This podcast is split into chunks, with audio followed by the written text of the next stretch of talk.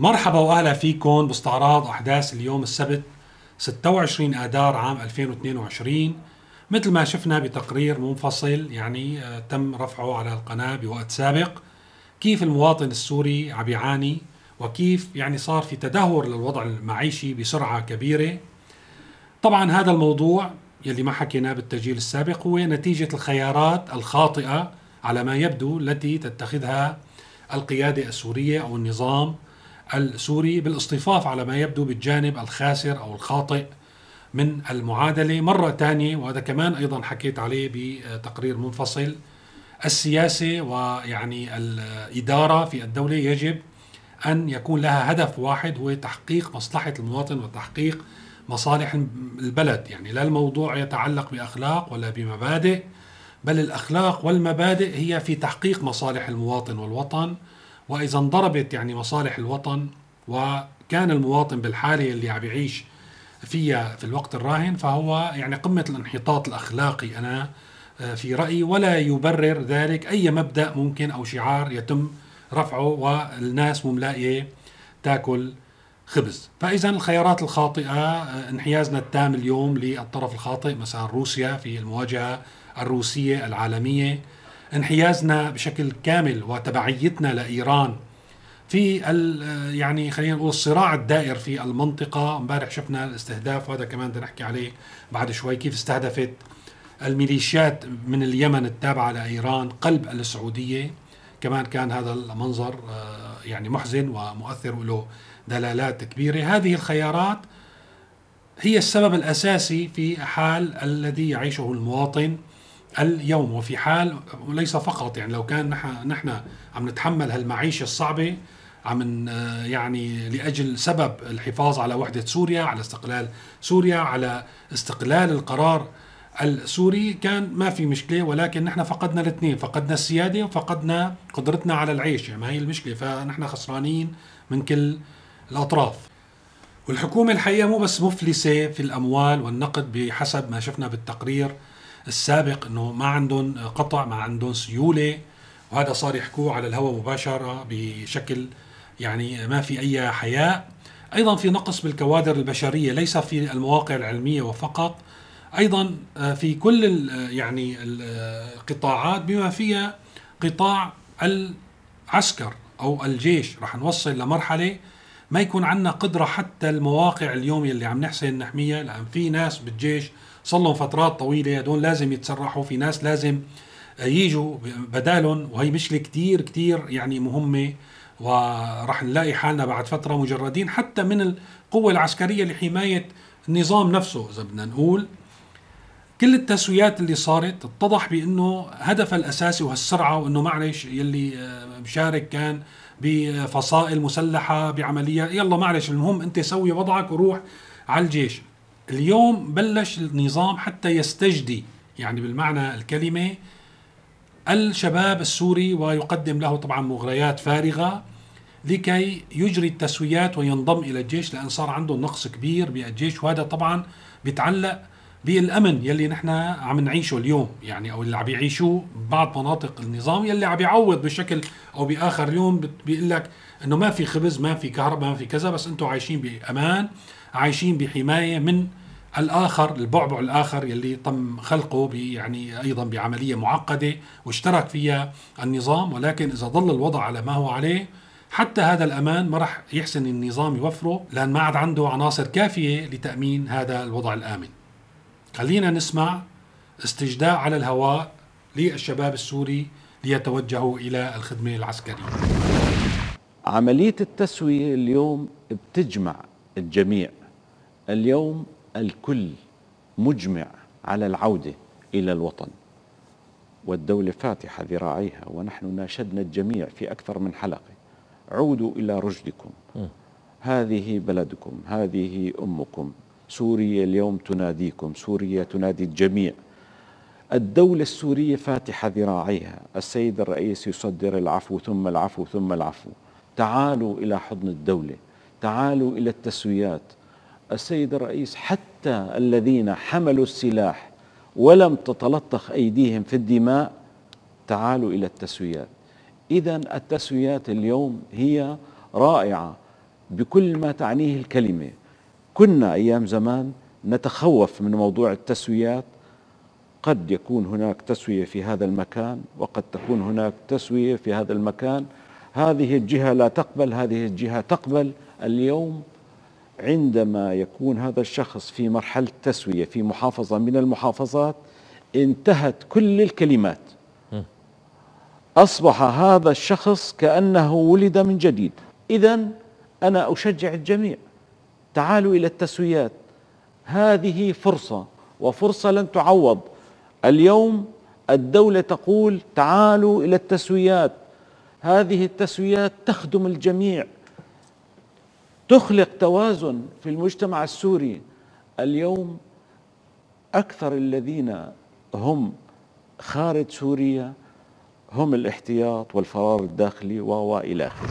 الشباب إما هن خارج آه، سيطرة النظام ومع الأسف يعملوا في يعني الأعمال العسكرية مع ميليشيات يعني من مختلف التسميات ربما برواتب أعلى آه، والحقيقة أعلى بكثير مما يتحصل عليه آه، يعني الذي يخدم الخدمة الإلزامية في في سوريا.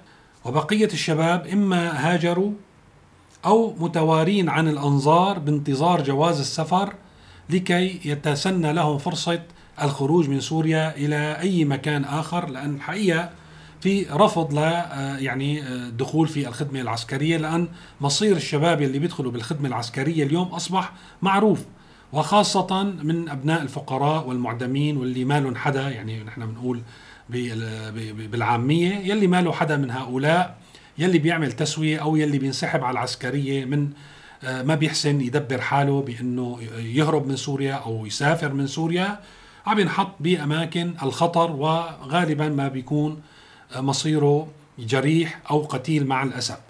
ولكن النظام مصر أنه يضيق على الناس بموضوع جوازات السفر.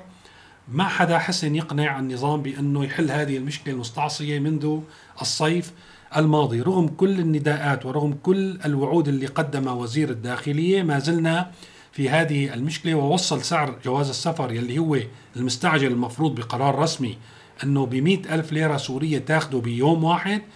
تدفع ال ألف ليرة إذا صح لك. يعني وطبعا هذا الموضوع ما بيصح لحدا. العالم عم تدفع 300 و400 و500 للسماسرة والناس المتحكمين في منصة التسجيل وما بتاخده غير بعد شهر وشهرين واحيانا عم بيوصل سعره للمليون ومليونين وثلاث ملايين وخمس ملايين ليرة سورية ومع ذلك ما بيحصلوا عليه الناس بسهولة. حتى يعني أيضا الناس لهم علاقات مع الأمن ولهم علاقات مع الوزراء مثل الضيف في قناة سما يلي شفنا مقطع له بالتسجيل السابق. يوجه نداء ويستجدي من أجل أن يحلوا هذه المشكلة. والله أنا عندي مناشدة للسيد وزير الداخلية بموضوع الجوازات. أوه الجوازات هذا الموضوع هذا الموضوع الذي أتعب الناس وأقلق نعم. الناس. أقول يا سيادة الوزير نرجو منك أن تشكل لجان. هذه اللجان تقوم على دراسة الواقع. هذه اللجان جئتم بموضوع المئة ألف ليرة على أساس مستعجل.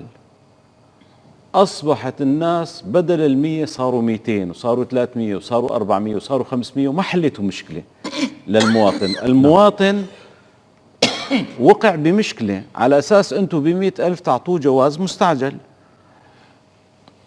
لما اجى راجعكم ولا بشهرين ولا بثلاثة ولا بأربعة سألنا ما هي الأسباب الموجبة اللي تمنحه الشخص جواز؟ قلت كذا وكذا وكذا وكذا. راجعكم الأشخاص اللي بيتمتعوا بنفس الصفات قلتوا ما في دور. نعم. اذا لمين بينمنح الجواز؟ يعني هناك أشخاص عندهم تأجيل بينتهى تأجيله بعد شهرين أو ثلاثة. هذا طيب بده يسافر. هذا أنتم لا عم تعطوه دور لا بشهرين ولا بثلاثة ولا بأربعة ولا بخمسة ولا بستة. والموضوع عم يخلق نوع من السمسرة عند الناس وناس عم تتاجر نعم. على على اكتاف بعضها بموضوع الجوازات. فإن مناشدة للسيد الوزير. هلا على المستوى يعني خلينا نقول السياسي وعلاقة سوريا مع المحيط مع الدول ويعني على أثر التحليلات الكثيرة اللي طلعت مثل ما حكينا بعد زيارة الأسد للإمارات. وقراءة البعض لهذه الزيارة بأنها بداية انفراجة عقد يوم أمس الجمعة اجتماع رباعي ضم آه، رئيس آه، مصر السيسي ومحمد بن زايد ولي عهد الإمارات أو أبو ظبي. بالإضافة لرئيس وزراء الكاظمي رئيس وزراء العراقي وعبد الله الثاني ملك الأردن قمة رباعية. وإذا بنلاحظ الأربعة هن أقرب يعني دول عربية للنظام. يعني النظام عموما المفروض ما يكون عنده مشكلة مع الإمارات وفي علاقات وثيقة بحيث إنه مثل ما شفنا راح الرئيس الأسد بدون استقبال رسمي على أساس خوش بوش.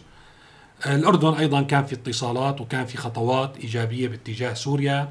العراق أيضا علاقتنا وعلاقة النظام مع العراق ما فينا نقول إنه هي متوترة أو في قطيعة. ف ومصر أيضا دائما تعرب عن رغبتها بعوده سوريا للجامعة العربية إنه هي تعمل في هذا الاتجاه ولكن كان من المتوقع يعني على على على الأقل بالنسبة لي أن يدعى الرئيس الأسد وخاصة ان هي بالأردن يعني شلفة حجر لحضور هذا اللقاء الرباعي باعتبار إنه آه، لقاء الإمارات مهد لانفراجات أخرى وبانه الرئيس راح يحقق إنجازات أخرى في كسر العزلة عن نفسه. طبعا لأن سوريا راحت علينا ولكن لم نشهد دعوة الرئيس إلى هذه القمة الرباعية يلي فينا نقول عليها غير رسمية هي قمة تشاورية يعني خلينا نقول لم يتم دعوة الرئيس الأسد إليها.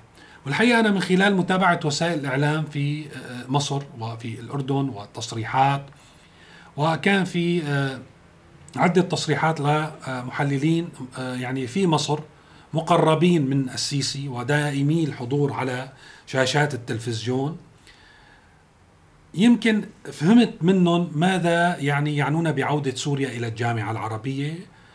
آه، ينظروا إلى وضع سوريا الحالي بأنه هو يعني كما وصفه آه، يمكن آه، أحد المحللين اسمه مصطفى الفقي.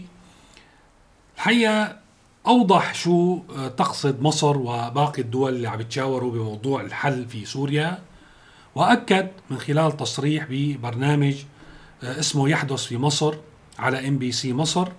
بأنه هو يقصد أنه لابد من عودة لا شك سوريا إلى الجامعة العربية ولكن بعد إيجاد حل سياسي فيها. يعني الموضوع بيفرق كثير وأنه طبعا لا يمكن عودة سوريا ويعني شطب العشر سنوات الماضية وما قدم الشعب السوري من تضحيات وما دفع من أثمان وكأنها شيئا لم يكن. فالفكرة العامة اللي بدي اوصلكم إياها إنه صحيح ممكن يكون في اليوم محادثات مع الأسد وغير الأسد مع أطراف سوريه والأسد يبدو هو أحد هذه الأطراف. ولكن ليس في إطار عودة سوريا إلى الجامعة العربية وإلى المحيط العربي كما هي كما كان النظام قبل 2011 راح يكون هذا الموضوع مشروط بأن يقدم النظام تنازلات فيما يدعم الحل السياسي. نرجع مرة ثانية إلى العقدة. يلي لا أعتقد إنه النظام قادر وطبعا الدول العربية اليوم اللي تمد يدها يعني إيجاد حلول للأزمة السورية. رح تكتشف هذا الموضوع عاجلا أم اجلا بأنه النظام غير قادر إنه يخطو أي خطوة باتجاه الحل السياسي بمعنى إنجاز أو أن يكون هناك حل سياسي ويعني هيئة حكم انتقالية إلى آخره بحسب آه، يعني القرارات الأممية. لا خطوة خطوة ولا قفزة وحدة. وبالتالي يجب أن يعني يكون هذا الموضوع ناخذه بعين الاعتبار. سواء آه، كان في تقارب إماراتي آه، مع النظام أو اتصالات خلينا نقول ما فينا نقول عليه تقارب لأن الحقيقة ما في أي خطوات على أرض الواقع فينا نقول. وحكينا امبارح أصلا النظام لا يستطيع أن يعطي أي مزايا لا سياسية ولا عسكرية ولا اقتصادية للإمارات يعني آه، في مقابل هذا التقارب لأن هو أصبح تحت الوصاية الأردنية الروسية. فبالتالي الموضوع الحل اللي عم يشتغلوا عليه الدول العربية حتى التي تبدو قريبة من النظام أو هناك تواصل بين النظام وبين أو التي تبدي رغبتها بعودة سوريا وليس نظام الأسد. يعني بتفرق كتير. سوريا إلى الجامعة العربية. نحن كمان بدنا سوريا ترجع للجامعة العربية. كل سوري بده آه، إنه ترجع سوريا للجامعة العربية على يعني مثل ما بيقولوا عجرة وبجرة. يعني هي آه، مكان آه، يتم في تنسيق المواقف بالحد الأدنى للحفاظ على مصالح الدول في المنطقة ولكن هذه العودة مشروطة بإنجاز أو اتخاذ خطوات باتجاه الحل السياسي في سوريا واللي فهمته إنه عودة سوريا والنظام كما هو وعودة الأمور إلى 2011 حتى لهذه الدول ومنهم الإمارات شيء مستحيل. بدنا نحكي أيضا امبارح على استهداف الحوثيين لجدة ومصافي أرامكو والحرائق اللي شفناها. وطبعا بدنا نرجع آه، يعني نبدي دهشتنا لوقوع مثل هذه الحوادث. يلي أنا يعني بشوف إنه لا يمكن كانت أن تكون لولا الضوء الأخضر الأمريكي. يعني لا يمكن أن آه، تكون السعودية تحت الحماية الأمريكية ويعني تعلن هذا الموضوع بانها ستتخذ إجراءات رادعة في حال تم الاعتداء على السعودية ويقوم الحوثيين ومن وراء إيران في الاعتداء على السعودية. وبتوقع الأمور أصبحت واضحة. وحكينا على هذا الموضوع امبارح فيما يتعلق بالشأن السوري وهو يخص المنطقة كلها يعني إذا بدنا نقول الشرق الأوسط والجزيرة العربية لا يمكن أن تترك هذه المنطقة لمقدراتها انه تستفيد الشعوب من هذه المقدرات وتبني دول حقيقيا كانت ملكية أو جمهورية وتستثمر كل هذه المقدرات في التنمية وفي يعني التطور والتمدن إلى آخره. ليس من مصلحة أحد اليوم وخاصة في الغرب وفي الشرق أيضا يعني بدنا نأخذ الصين وروسيا وإلى آخره أن تنمو قوة كبيرة تملك من الموارد المادية والبشرية الكثير لتصبح رقم صعب في المعادلة الدولية. هذا الموضوع يتم العمل عليه ومحاربته وتأخيره منذ يعني الحرب العالمية الأولى، انتهاء الحرب العالمية الأولى. في محاولة لإبقاء هذه الدول تحت السيطرة وتحت الابتزاز خلينا نقول بإيجاد أخطار وبؤر توتر في المنطقة. وكانت آخر هذه البؤر في سوريا. وفي اليمن. يعني نحن اليوم عندنا بؤرتين لاحظوا آه، اليوم الخليج العربي. في شماله منطقة أو بؤرة توتر ما بنعرف إمتى بتخلص وما في لحدا يعني ما في حدا له مصلحة تخلص أو ينتهي التوتر ويستقر الوضع. وأيضا في اليمن. هذه الدولة يعني محدودة الموارد و محدودة الثقل يعني في في المستوى. يعني ما فينا نحن نقارن الثقل السعودي بثقل اليمن. لولا وجود الحوثيين المدعومين من إيران. يعني إحنا اليوم ما فينا نقول الحوثيين هن على حدود السعوديه آه، بنقول إيران على حدود السعودية في الجنوب وإيران على حدود السعودية في الشمال. يعني هذا هو الواقع الموجود وهو يمثل مصلحة أمريكية إسرائيلية لإبقاء الابتزاز وإبقاء شعور هذه الدول بأنها بحاجة إلى إلى حماية وبالتالي إلى تبعية تبعية الدول الغربية وإلى التدخل في القرار الخليجي يعني وأيضا لا شك السيطرة على مقدرات الشعوب في الخليج وعلى سيادة الشعوب في يعني منطقتنا في منطقة الشرق الأوسط، يعني هذا الموضوع أصبح واضح.